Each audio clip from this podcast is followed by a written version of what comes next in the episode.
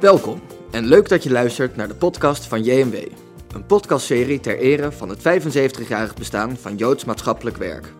Vier afleveringen waarin we de toekomst van het werk van JMW onder de loep nemen. Mijn naam is Ascher Waterman, werkzaam bij JMW en uw gespreksleider vandaag. We gaan het vandaag hebben over Joods leven. Wat betekent het om als Jood in Nederland te leven anno 2021? Op welke manier wordt de Joodse identiteit vandaag de dag beleefd? De gast zijn Gaia Oost, sociaal werker bij JMW en vanuit die functie verantwoordelijk voor het organiseren van sociaal-culturele activiteiten voor mensen met een Joodse achtergrond. En met Barbara Barend. Barbara is onder andere sportjournalist, ondernemer en uitgever van Helden Magazine. Barbara is vaak te zien in de media en steekt haar mening niet onder stoelen of banken. Van het feit dat ze Joods is, maakt ze ook zeker geen geheim. Integendeel. Welkom uh, allebei. Dankjewel. Dankjewel. Uh, Barbara, jij grinnikt een beetje. Klopt het wat ik zeg als uh, jij er geen geheim van maakt dat je Joods bent? Nee, dat klopt. Ik maak er zeker geen geheim van. En ik, klinkt misschien een beetje raar, maar ik ben er ook trots op. Ja. Maar ik uh, heb de minste behoefte om er een geheim van te maken. Ja, wat mij, ik, in de aanloop naar dit gesprek heb ik een beetje onderzoek gedaan. En wat mij heel erg opviel was dat aan de ene kant, hè, je maakt er helemaal geen geheim van. En aan de andere kant proefde ik soms ook een heel klein beetje twijfel. Dus je zei op een gegeven moment in een interview van... ik ben wel Joods, maar ik zit er niet op. Wat, uh, wat, bedoel je daarmee als je zegt van ik ben wel Joods, maar ik zit er niet op? Nou, ik, ik, ben, ik, ik leid niet 24-7 maar een, een, een volledig Joods bestaan. Het is niet dat ik er iedere dag mee bezig ben. Dus um, ik, ik denk dat ik zelf als meisje tennis. Ik heb ook altijd bij Maccabi getennist. Uh, dat was onderdeel van mijn Jood zijn, naar Joodse les geweest. Uh, bad mitzwa geworden. Lang ook uh, in Amstelveen, Amsterdam gewoond. En um, nou, ik, ik merk nu dat ik ook wel dingen minder doe. Ik voel me Joods, maar ja, ik, ik zit er niet op. Ik, ik ga niet wekelijks naar school. Uh, dus ik denk, uh, ik, hou me niet overal, zeker niet overal aan. Ja, ga je, is dat iets uh, wat jij herkent vanuit het werk bij JMW? Zo'n, hoe moet ik het zeggen, benadering van, van een Joodse identiteit? Ja, absoluut. Er zijn inderdaad heel veel verschillende Joden natuurlijk in Nederland. Uh, en zo heb je ja, heel veel verschillende Joodse identiteiten. En mensen die religieus zijn, mensen die wat minder religieus zijn. En JNW probeert daar eigenlijk voor uh, iedereen te zijn met alle andere verschillende Joodse identiteiten. Um, en zeker ook voor degenen die er niet op zitten, tussen aanhalingstekens. zeker de, degenen die misschien niet zijn aangesloten bij een kerkgenootschap, maar toch iets, iets willen doen met hun Joodse identiteit. Daar uh, hoopt JNW aanbod aan te kunnen bieden. Ja, Barbara, kan je iets, misschien iets meer vertellen over hoe jouw Joodse leven eruit ziet? Dus je zei van, ik uh, tenniste bij Maccabi en uh, je hebt volgens mij Bad Mitzvah gedaan toen je Ja, nou, als, als klein meisje, um, ik, ik ben niet halagisch Joods. Uh, mijn moeder is wel uitgekomen, maar pas op heel late leeftijd en voor de LJG. Dus dat geldt natuurlijk niet voor de halaga. Um, als klein meisje... Um, deden wij er niet zoveel mee. Ik denk dat mijn oma na de oorlog, of ik weet dat mijn oma heel blij was dat mijn vader niet Joods trouwde. Want dan waren er in ieder geval geen halagisch Joodse kleinkinderen. Dus als het weer een keer gebeurde, dan waren we niet als eerste aan de beurt. Zo dacht zij. Dat denk ik heel veel mensen die tijd hadden. Blijven daar maar zo ver mogelijk weg van.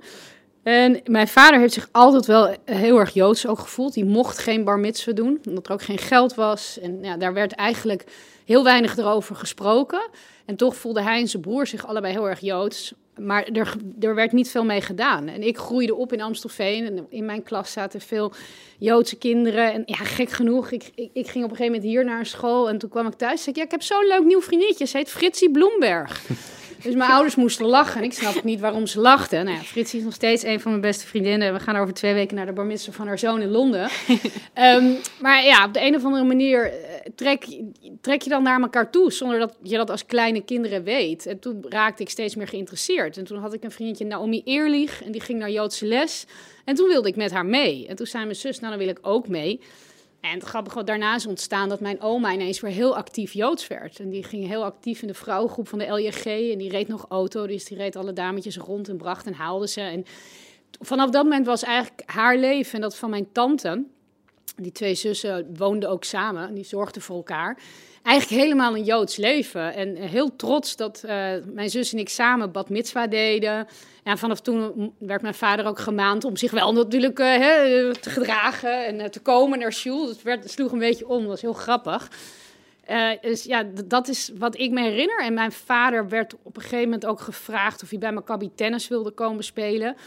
Maar hij had helemaal geen actief Joods leven gehad als jongetje. Eén, omdat ze heel arm waren, geen geld. Uh, en, en ja, daar niet. Mijn oma had er helemaal geen tijd voor dat je, of geld voor, voor dat je een bar deed of met dingen bezig was. En uh, ja, hij, had zijn eigen leven. Maar toch had hij ook altijd veel Joodse vrienden. Nou, werd gevraagd of hij Maccabi wilde doen. En toen is hij daar in het bestuur gegaan en het, volgens mij het, het krantje toe gaan maken. En heeft daar ook heel veel vriendschappen op gedaan. Nou, wij werden lid van Maccabi. En zo rolden wij langzaam ja, daar een beetje in. Dus ja, zelfbewust. En ik denk dat we mijn ouders ook een beetje hebben meegenomen. Dus eigenlijk door jouw interesse is eigenlijk de rest van de familie... Ja, en, en mijn zus, maar dat zat er natuurlijk altijd latent wel. Want ook mijn vader had vroeger ook altijd Joodse vrienden. Die was zich heel bewust van zijn Jood zijn. En mijn moeder heeft... Ja, mijn ouders gaan vanaf hun... Uh, kennen elkaar vanaf hun 14, die gaan vanaf hun 15 met elkaar. Dus die hebben eigenlijk wel alles gedeeld. Dus mijn moeder heeft dat natuurlijk ook altijd meegekregen en meegemaakt. Ja. Dus ja, zo is dat ontstaan. En hebben wij hadden wij veel Joodse vriendjes en vriendinnetjes. En hoe ziet, zit dat dan vandaag de dag? Hè? Van uh, jouw Joodse leven, vind je feestdagen belangrijk? Ga je naar de synagoge? Hoe, uh, ja, hoe nou, ik heb nog steeds. Uh, ik heb een gemeleerde vriendenkring. Ik heb niet. Ik, ik, bedoel ook met. Ik zit erop. Ik heb ook vriendinnen die alleen maar Joodse vrienden hebben. nou, zo zit ik er dus niet op. ik heb ook niet Joodse vrienden. mijn vrouw is niet Joods. Uh, maar ik heb nog steeds veel Joodse vrienden, uh, ook van vroeger, dat ik die al heel lang ken. En uh, we vieren feestdagen met familie. Altijd Yom Kippur en Pesach en Rosh Hashanah. De laatste paar jaren als mijn vriendin thuis met haar gezin.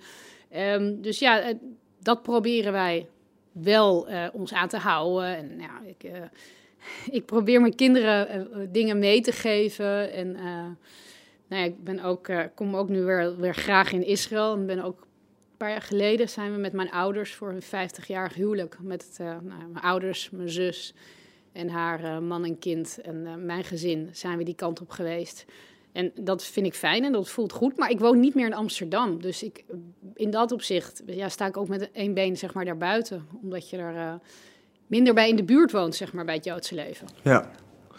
Gaia, uh, herken jij je in, in Barbara's Joodse identiteit? Is dat voor jou een beetje hetzelfde of juist heel erg anders? Uh, ja, deels wel en deels niet. Ik ben zelf opgegroeid in de Medina in uh, West-Friesland. En ik was het enige Joodse meisje van de school, van het dorp eigenlijk.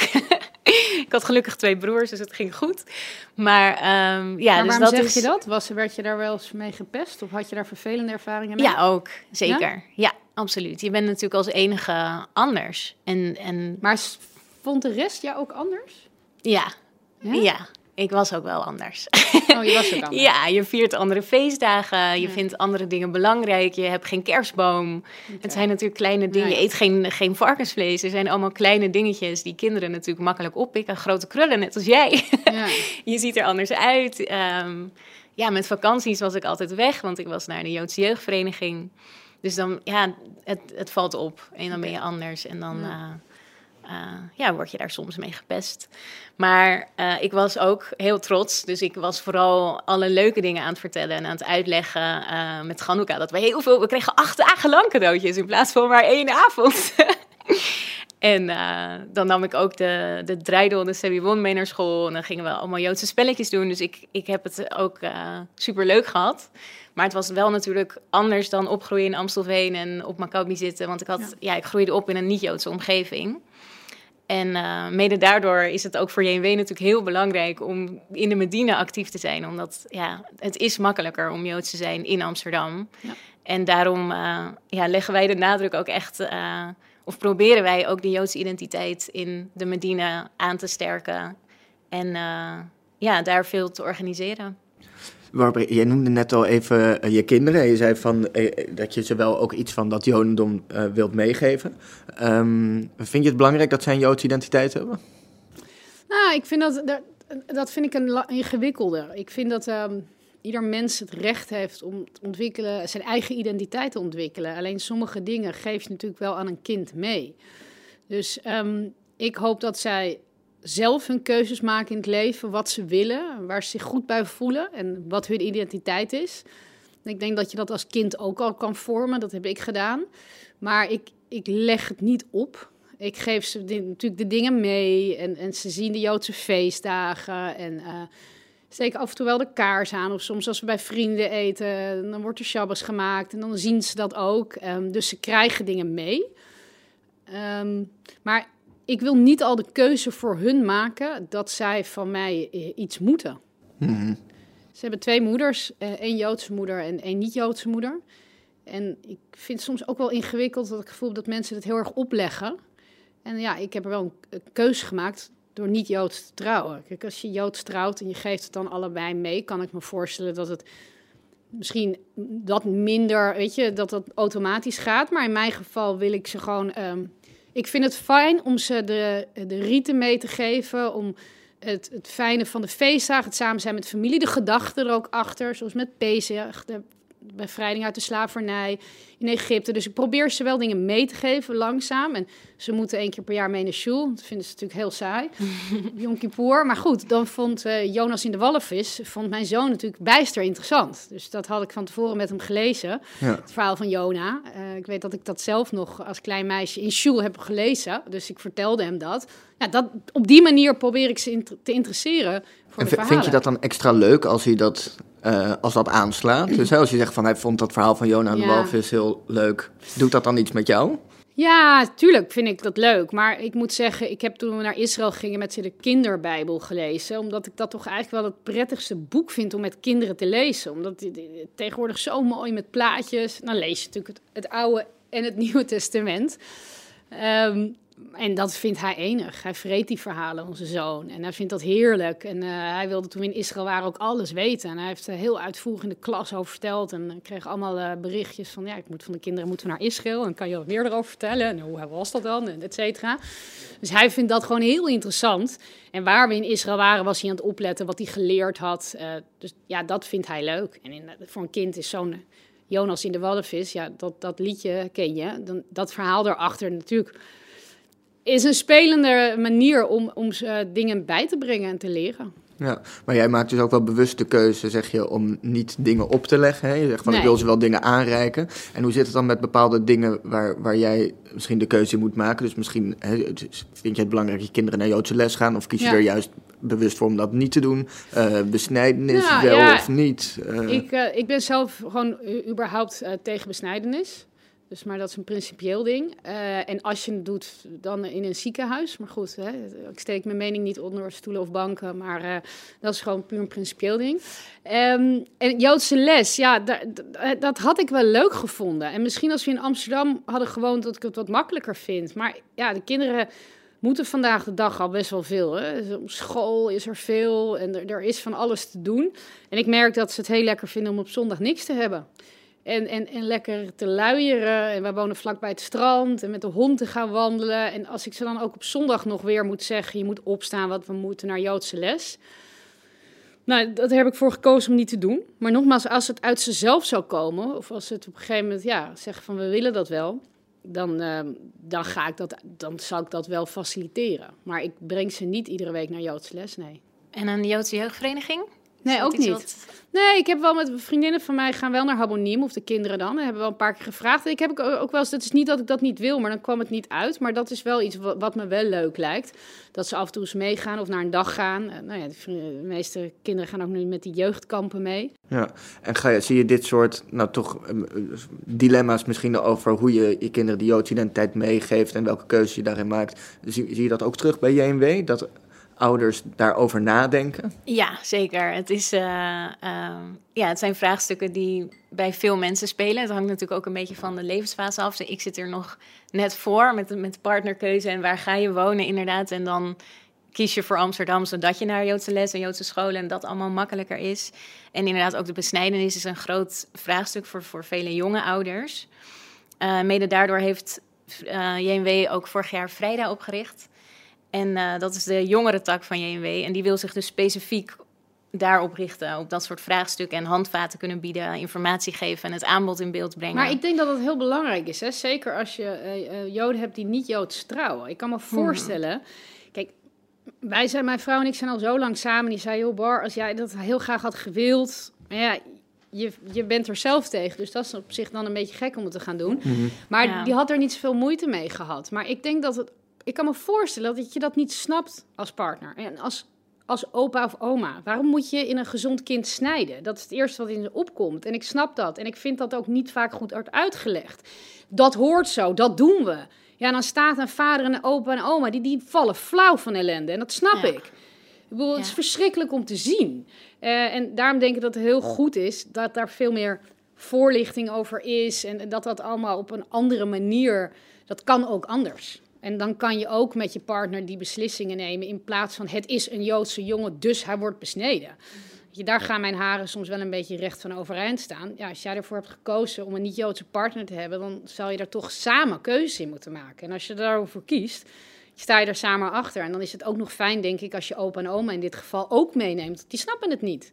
Ja, want hoe, hoe werkt dat in jouw geval? Je noemde zelf dus al van, hey, je bent getrouwd met een niet-Joodse vrouw en jullie hebben samen twee kinderen. Ja. En is dat dan, uh, hè, als je het over zo'n Joodse opvoeding tussen aanhalingstekens hebt, uh, juist makkelijker of uh, misschien juist minder makkelijk? Of maakt dat geen verschil, denk je? Ik heb wel eens mensen horen zeggen van ja, ik vind het wel fijn, want dan mag ik alles in mijn eentje beslissen. Dan hoef ik oh. daar niet zo, uh, zo, zo heel veel over te overleggen. En iemand anders die juist weer tegen me zei van ja, ik vind het heel lastig, want dan die andere persoon voelt misschien niet het op dezelfde manier aan als ik.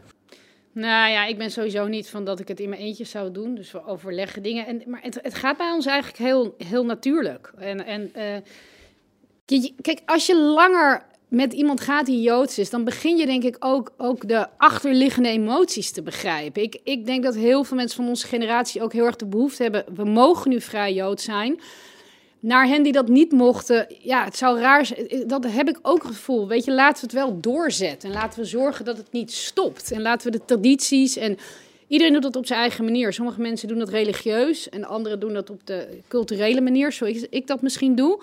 En die emoties snapt mijn vrouw. Onze kinderen heten ook Barend. En dat heb ik gevraagd, omdat ik zei, ja, er zijn bijna geen barenden meer. En zij heet, uh, heeft een andere, een Hollandse achternaam, zeg maar. En daar zijn er nog heel veel van. Ja, dat snapte ze ook. Dat vond ze mhm. prima. Dus weet je, waar, mijn, mijn oom was heel blij dat er, hij heet Sebastian Bram Barend, onze zoon. En in de familie werden ze altijd Abraham of Mozes genoemd. Dus mijn oom begon heel erg te huilen. Eindelijk weer een Bram Barend. Mm, heeft niet zijn zin gekregen. Ja, dat soort emoties ja. spelen. En gelukkig snapt mijn vrouw dat. Maar dat komt denk ik ook in doordat ik... Ik ga geen dingen opdragen. Wie ben ik dat ik het recht heb om dat te doen? Net zo als dat andersom niet is. Ja. En ga je de, mensen die thuis luisteren, die kennen jou uh, misschien niet, maar jij bent eh, onlangs verloofd en jij hebt heel bewust uh, wel een Joodse partner uh, gezocht daarvoor. Kan je daar iets over vertellen? Waarom wilde je dat graag? Uh, ja, ik heb daar uh, wel lang over nagedacht en uiteindelijk de uh, app J-Swipe gedownload, wat echt specifiek is, dus een, een Tinder voor Joodse singles. en ik heb zelf ook een niet-Joodse vader, dus ik weet dat het heel goed kan, want ik heb de beste vader die er is. Dus ik weet echt dat het, dat het kan, maar het leek mij inderdaad, ook wat Barbara zegt, het leek me makkelijker dat er dingen zijn die, die je meteen begrijpt. en tuurlijk kom je eruit door, door te kletsen, maar ik merkte uit voorgaande relaties dat er toch af en toe ja, dat het moeilijk was. En ook vooruitkijkend. Uh, ik heb in 2014 meegedaan met een onderzoek van JNW naar kinderen uit gemengde huwelijken. En daaruit bleek ook dat uh, eh, 75% van die, uh, ja, dus de, de gemengde huwelijken, dat die zelf ook weer voor een niet-Joodse partner kiezen. Dus dat is 75%. En als dat dan steeds zo doorgaat, dan wordt het natuurlijk lastig. En ook dat de verschuivingen niet alleen veranderden qua demografie, Ehm, maar ook het karakter van, het, van de Joodse identiteit verandert natuurlijk steeds meer. En we assimileren, assimileren met z'n allen natuurlijk steeds meer. Ehm, en eh, ja, ik heb, ben dus opgegroeid in de Medine als enige Joodse meid. Dus ja, dat, dat soort dingen hebben er denk ik voor gezorgd dat mijn Joodse identiteit uh, sterker werd. En dat ik het echt belangrijk vind dat mijn kinderen ja, het net weer wat, wat makkelijker zullen hebben, denk ik. Ja. Maar even en uh, die, uh, bij JMW zien we ook heel veel mensen die uh, dan wel alleen een Joodse vader hebben, of alleen een Joodse moeder, of zelf in een gemengde relatie zitten. Wat voor dingen kunnen we daar allemaal voor bieden bij JMW? Um, ja, JNW biedt een plek aan iedereen met een Joodse achtergrond en zijn of haar partner. En juist door die mensen een plek te bieden om in alle vrijheid en veiligheid die Joodse identiteit te kunnen ontdekken en ontplooien, bouwen we als JNW zijnde aan een sterke Joodse gemeenschap in Nederland. Ja. Maar ik denk dat dat wel mooi is van de ontwikkeling, hè? want dat is ook echt de insteek um, van Maccabi. Uh, dat is de insteek van de LJG. En ik weet zelfs dat er stemmen op gaan, ook om Maimonides.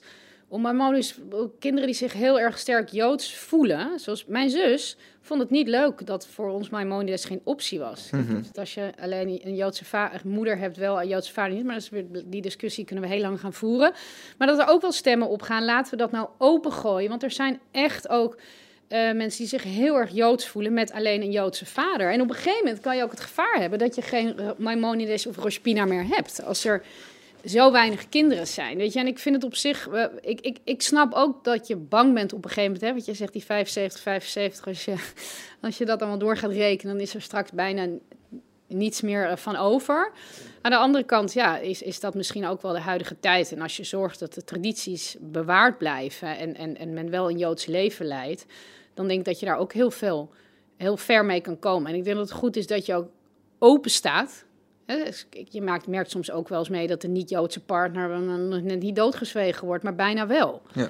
Ja, dat is natuurlijk heel walgelijk. Zeker. En ook voor de partner. Dus inderdaad, het nou, wordt makkelijker. partner is Precies, het heel erg. Het wordt nu makkelijker. Maar in het verleden, het, ja, ook niet alle uh, niet-Joodse vaders uh, voelden zich geaccepteerd binnen de Joodse gemeenschap. En gelukkig staat JMW open voor iedereen. En wordt het ook makkelijker in heel Joods Nederland. Ja, je, je zou ook misschien kunnen zeggen dat hè, die gemengde relaties uh, ook juist demografisch een kans zijn. Hè? Precies wat jij zegt, van uh, als die kinderen van die gemengde relaties wel een Joods leven uh, leiden, dan krijg je daarmee uiteindelijk meer mensen met een Joodse identiteit juist dan minder. Nou, ik merk dat ik heel vaak mensen aantrek die mij dan vertellen, ik had een, een, een, een ach, schat, een buurvrouwtje jarenlang naast me wonen, een Friese dame. Die zei begin, Barbara, ik moet je wat vertellen. Mijn vader was een Jood.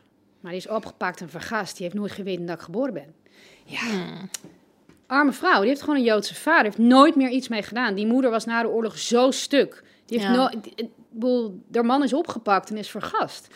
En zo krijg ik best wel veel verhalen. Ook nu op de school, waar mensen vertellen: ja, mijn vader is Joods. Of, en mensen keren zich of, juist naar mij. En ik merk als ik dan vertel: van, hey, vind je het leuk om lid te worden van Maccabi? Oh, dat zou ik wel heel mooi vinden. En wij zouden nu met zes uh, moeders van school naar Tel Aviv gegaan, waarvan er één dus een Joodse vader heeft. En, ja, en ik merk aan alles dat hij zoiets heeft. Wauw, ik, ik ga naar Israël en ik heb daar wat meer mee. En ik denk als je het op die manier benadert, dat je nou ja, heel veel meer mensen erbij krijgt. Want jij kan natuurlijk niks aan doen als jij een Joodse ouder hebt en helemaal niets hebt meegekregen. Wat natuurlijk na mhm. oorlogs veel gebeurde uit angst. Ja, dan ben je bijna die mensen helemaal kwijt, zeg maar, voor de gemeenschap. Terwijl als je mensen nou vertelt over Maccabi of andere dingen, dan zie je dat ze toch naar je toe trekken, willen weten. Of je nodigt iemand een keer uit voor een Joodse feestdag. Vinden ze het eigenlijk heel mooi. Dus ja, ik zie het nog geen kans. Nou, dus mocht uw buurvrouw nu luisteren, dan is ze meer dan welkom bij JNW om over haar Joodse identiteit te praten en te leren. Want uh, Barbara, wat heb, uh, als we een blik werken op de toekomst, wat zou jij denken dat je nodig hebt om jouw Joodse leven te leiden of te blijven leiden zoals jij dat wil? Nou, ik denk dat het niet zozeer om mijzelf gaat. Ik denk dat het, uh, wat ik als ik over mezelf praat, is het vervelend dat uh, vaderjoden, om ze zo even te noemen, het is een vreselijke term.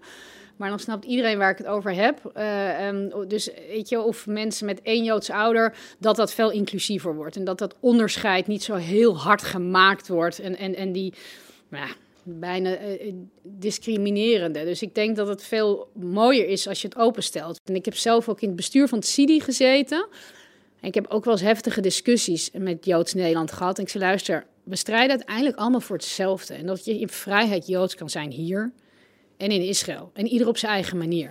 De een doordat hij orthodox is, de ander die zo leeft als ik. Maar ik zat ook met Onno Hoest, die met Albert Verlinde getrouwd is. Maar allemaal hebben we dat doel dat Joden, op welke manier dan ook, hoe ze dat ook hun Jood zijn, beleven, dat die veilig en in vrijheid had kunnen doen. En laten we nou zorgen dat daarin we niet elkaar uitsluiten.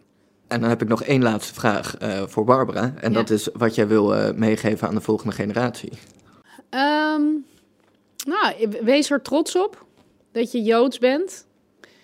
En, uh, en, en, en, en, en leef dat ook in vrijheid. En laten we met z'n allen bewaken dat we dat in vrijheid kunnen doen. En, en, iedereen in Nederland, maar zeker ook bij Joden. En wees daar trots op. En leef je leven en leef met elkaar. Sluit niet binnen de gemeenschap ook nog elkaar uit. Maar leef met die kleine gemeenschap die we hebben. Leef met elkaar. En dan hoop ik dat dat nog heel lang voortduurt. Amen. Heel mooi. Uh, wees er trots op dat je Joods bent. En uh, we gaan uh, samen met z'n allen vormgeven aan de toekomst van dat Joods leven in Nederland. dank jullie wel, Barbara en Gaia. En u thuis allemaal bedankt voor het luisteren. Mocht je tijdens het gesprek over een activiteit van JMW gehoord hebben die je aanspreekt en waar je meer informatie over wil hebben, neem dan eens een kijkje op onze website www.joodswelzijn.nl. Daar kan je ook deze aflevering en de andere afleveringen uit deze podcastserie nog eens rustig terugluisteren.